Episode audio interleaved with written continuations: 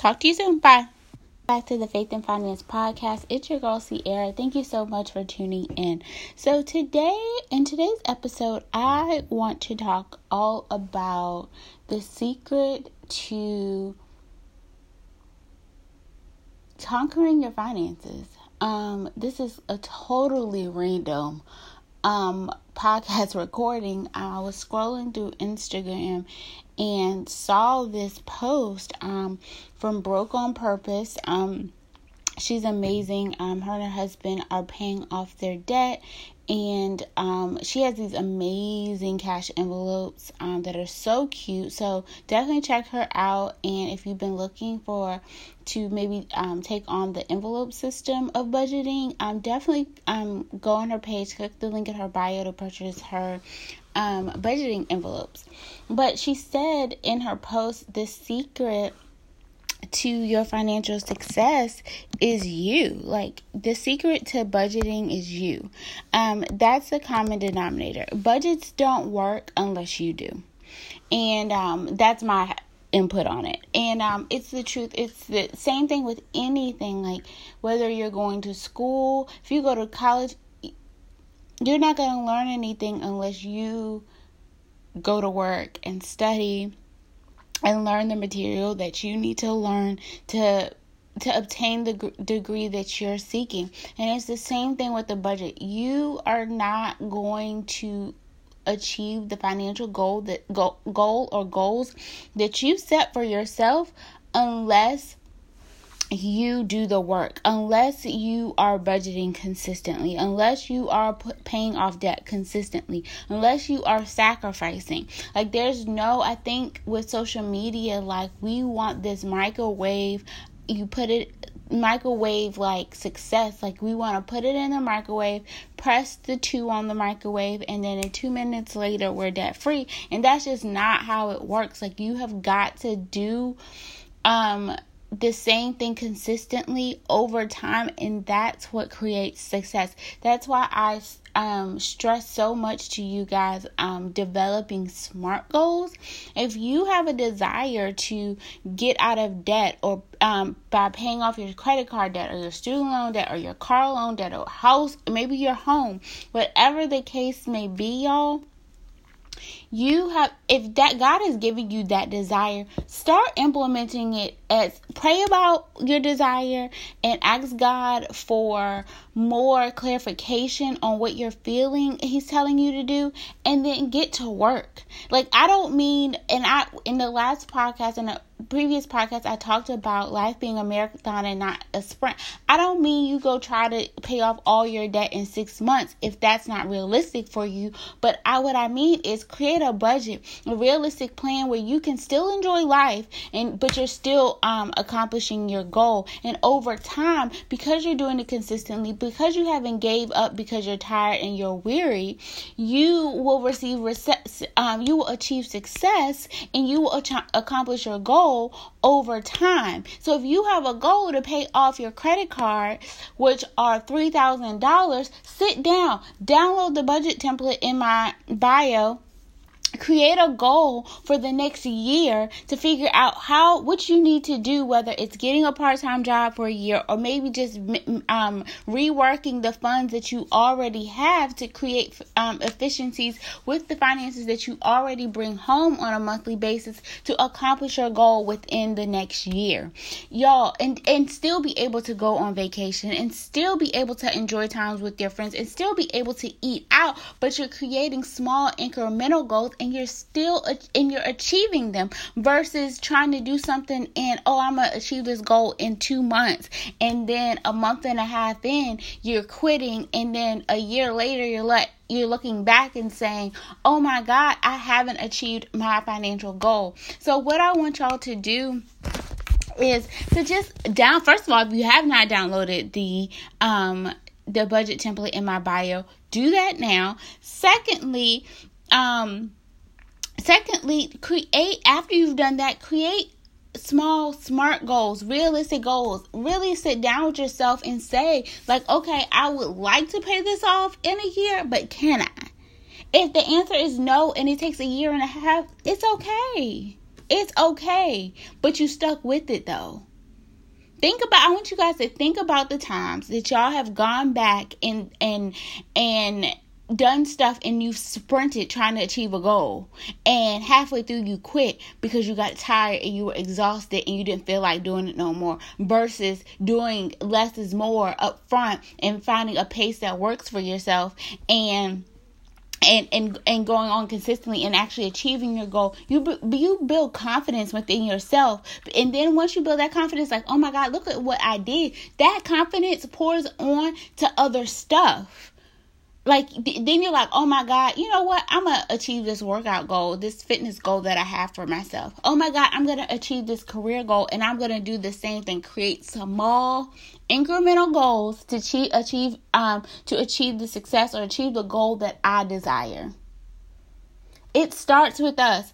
Budgets don't work unless you do. Put the budget to work. Get it off your computer. Get it off your computer. Put it in a Google Doc so you have it everywhere with you and get to work. Get be intentional about your goals. Don't look up 10 years later and be like, "I wish I would have did this back then." Because you could have been debt free by now. By then. You know what I'm saying? So y'all, I just want to encourage y'all to um get to work. Get to work. Budget Get that is the foundation for your financial success. There's no way around it. You have to have a budget. If large Fortune 500 companies have a budget and y'all all listen, all y'all out here with um that are entrepreneurs that have entrepreneur goals, listen, I work for I've worked for major corporations my entire career, okay? And now I currently work for a Fortune 500 company. We have a budget. I'm an accountant full time if you don't know. We have a budget. The law firm I worked for one of the ma- um, major law firms in the country before um before working for this company. Again, a budget for the new year in uh, between between August and October was budgeting season. They begin to budget and plan for the upcoming year. So they tell their money where it's going to go and how they're going to how they're going to spend it so that they can have money for marketing and events and to pay their mortgage and their leases and their light bills and to pay their employees, to pay their taxes, all of the things. Y'all Develop a plan. If they have budgets, why don't you? Even for your business, if you don't have a budget, get one. If you don't have an accountant, get one. If you can't afford an accountant, get on YouTube and learn how to do QuickBooks yourself. It's not that hard. Don't say you don't know how to do it. You can learn how to do it.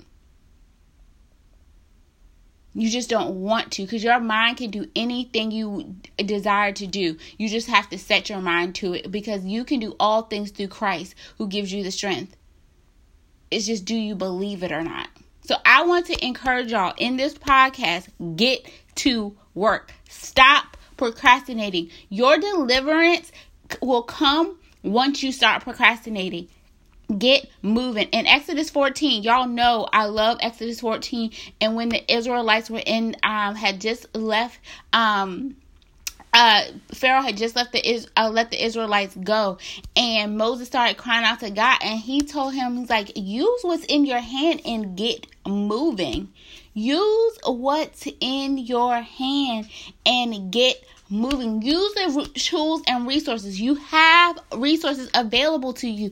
By the time this podcast comes out, you'll have the budgeting resource guide. If you have not purchased it, it's $20. Y'all spend $20 at happy hour or eating out. Spend $20 on your future. Spend the $20. Spend $20 um, on the budgeting resource guide. You have the budgeting template that's completely free. It's in the resource guide, but you can also click the link in my bio if you haven't already and get the budget template and learn how to create a budget. If you don't know QuickBooks and you're like, you know, you need to get QuickBooks for your business and you don't want to get an accounting, your business is not at the point where you need feel like you need an accountant right now, get on YouTube Cut the excuses. Do the work. Get out of your bed and stop scrolling on Instagram watching everyone else be successful and do what you need to do consistently when you don't feel like it and move forth. And when you move forth, God will do in your life just like He did for the Israelites and open up a way so that you can cross into the promised land that you've been praying for. But it doesn't happen until you start working and you start moving. Start moving. He can't bless you if you sitting in your bed scrolling through Instagram. He can't increase your business if you're not even showing up online. He can't increase your love life. Let's talk about that. If you in the house all the time, sis, Get out and do what you get out and do the things that God is um calling you to do. Get out and do the things so he can work. You have a part to play.